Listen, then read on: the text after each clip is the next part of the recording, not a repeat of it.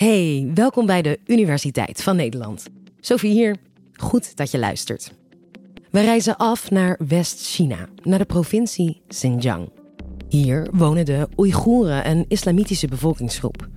Zij worden door de Chinese regering massaal vervolgd en gevangen gezet in kampen. Daar verwerken ze bijvoorbeeld katoen dat ook in onze kleding terechtkomt. China-expert Casper Wits van Universiteit Leiden legt uit waarom we zo weinig weten over deze Oeigoeren en waarom het wel belangrijk is om het erover te hebben. Eh, als ik voor een collegezaal sta met zo'n 100 studenten, dan zeg ik wel eens: uh, van de 100 van jullie die hier zitten, uh, dragen er misschien 10 of tientallen mensen kledingstukken die gemaakt zijn door Oeigoeren onder dwang. Kijk maar eens wat je zelf aan hebt op dit moment: je sneakers, spijkerbroek, trui of een t-shirt.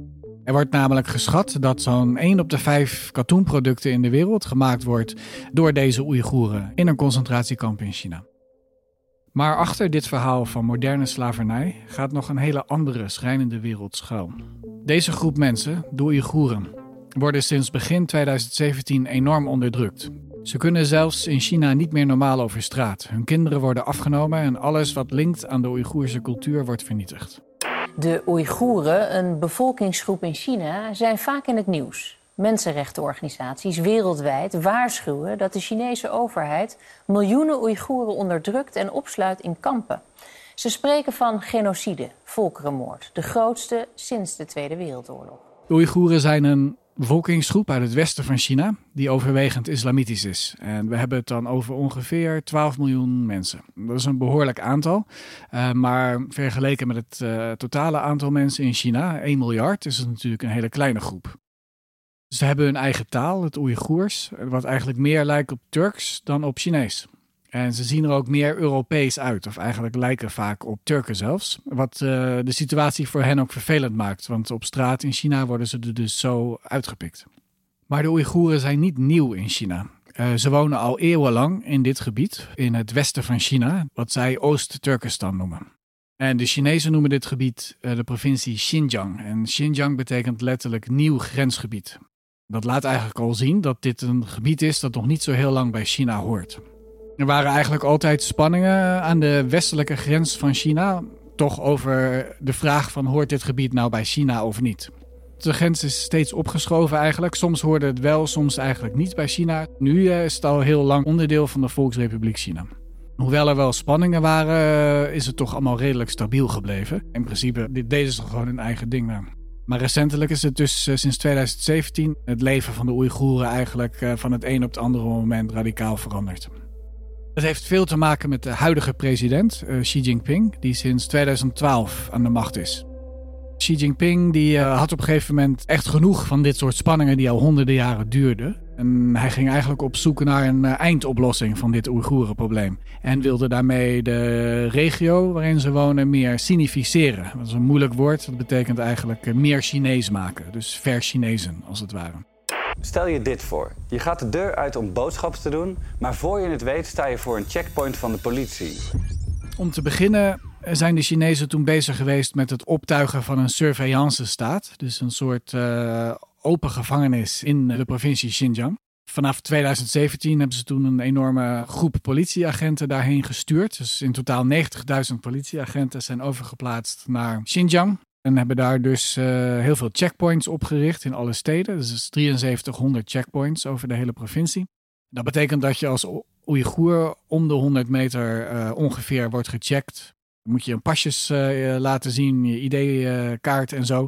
Je wordt gecheckt door middel van iris-scans. Dus dat betekent scans van je ogen om je identiteit vast te stellen. Er zijn extreem veel beveiligingscamera's, waarschijnlijk op elk huis ongeveer één. Bij elk huis zit er ook een QR-code. Dat betekent dat de politie gewoon snel kan scannen wat voor een achtergrond de familie in uh, dit of dat huis heeft. Of die uh, vaak naar de moskee gaan, of ze familieleden hebben die uh, negatief staan ten opzichte van de staat. En ook in huis worden Oeigoerse families in de gaten gehouden. Want er is een groot programma opgezet, de Pair Up and Become Family Program. Waarin meer dan een miljoen Han-Chinezen, dus dat is eigenlijk de de meerderheid van de bevolking, dus de mensen die wij Chinezen noemen, die worden geplaatst in de gezinnen van Oeigoeren. Om eigenlijk zo'n gezin eh, in de gaten te houden. Het is een totale controlemaatschappij. Behalve die politiestaat die is opgetuigd, zien we ook een zekere mate van culturele uitwissing, zoals ik dat noem. Dus het vernietigen van moskeeën, van islamitische begraafplaatsen, van standbeelden van Oeigoeren. Eigenlijk alles wat gelinkt wordt aan de Oeigoeren wordt uh, vernietigd.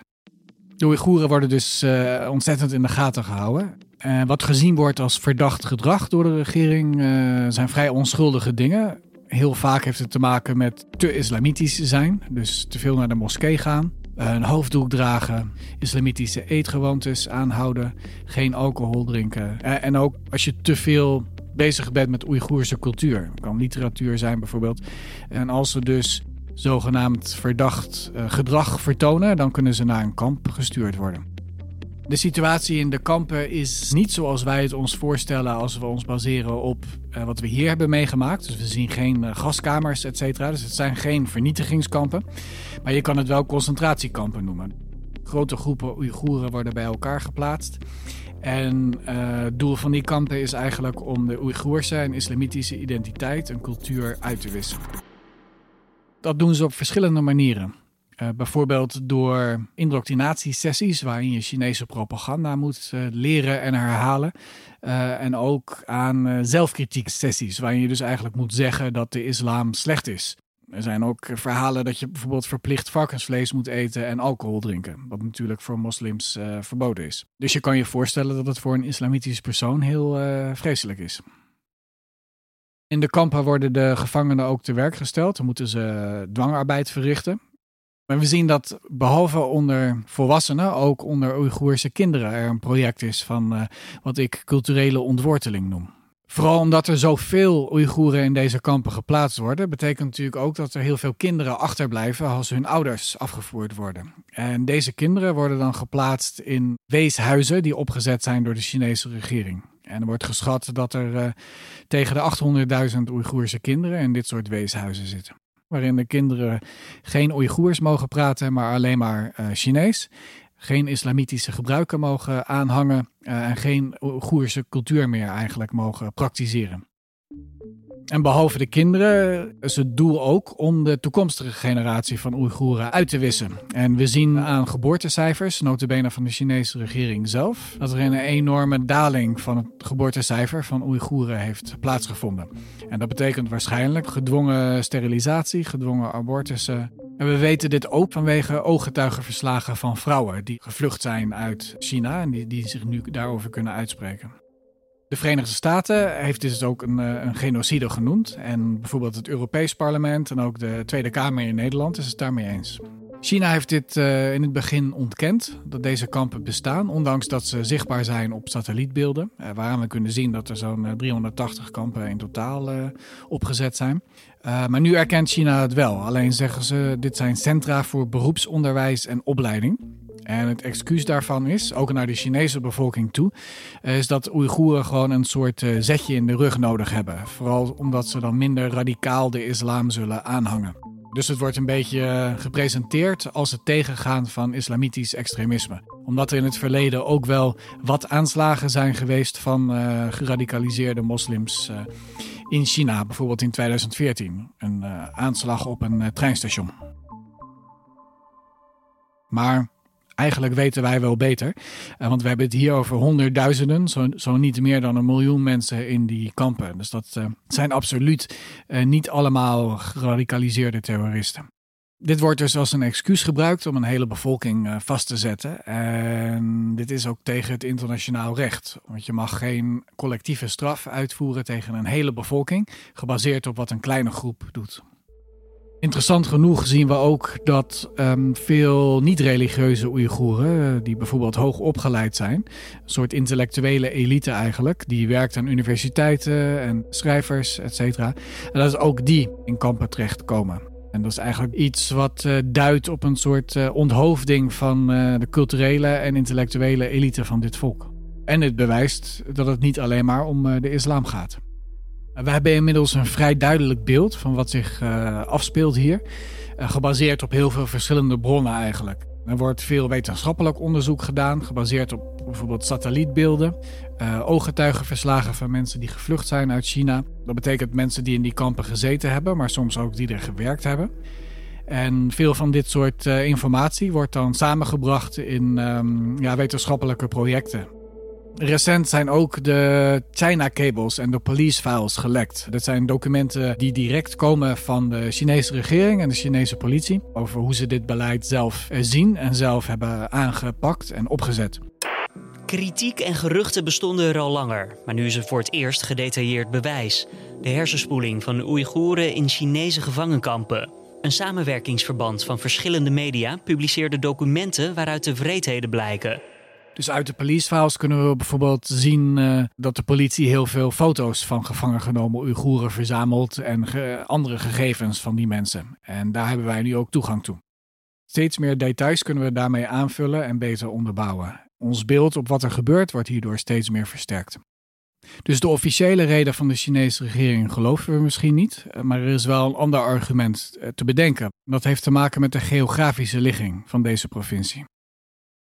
Een grote handelsproject, de nieuwe zijderoute, wat rust eigenlijk op verschillende handelsroutes die China moeten verbinden met de hele wereld. En veel van deze eh, handelsroutes lopen dus precies door het westen van China, door het gebied waar de Oeigoeren wonen. In 2019 waren er 22 landen die voor het eerst in een motie bij de VN hun afschuw hebben uitgesproken over dit beleid van China. En dat waren dan voornamelijk westerse landen en ook Japan. Daar heeft Nederland ook aan meegedaan. Maar we zagen toen al heel snel, een paar dagen later, dat er een tegenmotie kwam in de VN van veel meer landen, een stuk of 50, die juist zeiden van wij staan aan de kant van China. En vreemd genoeg waren veel van deze landen islamitische landen. Het duidt vooral op de huidige economische macht die China heeft. En dat heeft ook weer veel te maken met de nieuwe zijderoute. Dus het grote handelsproject dat China heeft opgezet. Waarin ze heel veel landen in Azië, Afrika, Latijns-Amerika aan zich binden op economisch gebied. De vraag blijft natuurlijk wel heel erg van wat kunnen we hier aan doen? Uh, als wetenschappers, maar ook als uh, luisteraars naar deze podcast. En eigenlijk is dwangarbeid nog het makkelijkste om aan te pakken. Er zijn ook nu wetten aangenomen, bijvoorbeeld Uyghur Forced Labor Act, om dit soort dwangarbeid ook echt aan te gaan pakken. Zo'n wet is vooral gericht op het uh, uitbannen van dwangarbeid uit onze productieketens. Dus eigenlijk moeten bedrijven aan kunnen tonen dat er geen gebruik gemaakt is van dwangarbeid bij het maken van hun uh, producten. Dit uh, is niet makkelijk geweest. zeker in de Verenigde Staten zien we dat het bedrijfsleven zich enorm heeft verzet tegen, tegen deze wet. En bedrijven zoals Nike, Apple, Coca-Cola, Adidas, Volkswagen H&M hebben allemaal gelobbyd tegen deze wet. Dat laat eigenlijk zien dat dit soort bedrijven door wil gaan met uh, business as usual. En het is ook vooral uh, de stem van het publiek geweest die druk heeft gezet op politici om hier, hier iets uh, aan te gaan doen. het is natuurlijk erg goed dat dit probleem van de dwangarbeid nu eindelijk wordt aangepakt. maar het is dus wel maar een onderdeel van een veel groter probleem: de uitwissing van een heel volk. Het is heel lastig om hier direct uh, iets tegen te doen. Maar ik denk wel dat het zaak is om aandacht te blijven geven aan dit onderwerp. En uh, de druk te blijven opvoeren op China, zodat men ook beseft dat dit niet ongestraft door kan blijven gaan. Dankjewel, Casper, voor deze belangrijke boodschap. Goed om het erover te hebben. En jij, bedankt voor het luisteren. En mocht je nog wat meer wetenschap in je oor willen, dan heb je geluk, want we hebben nog heel veel afleveringen voor je klaarstaan. Tot de volgende!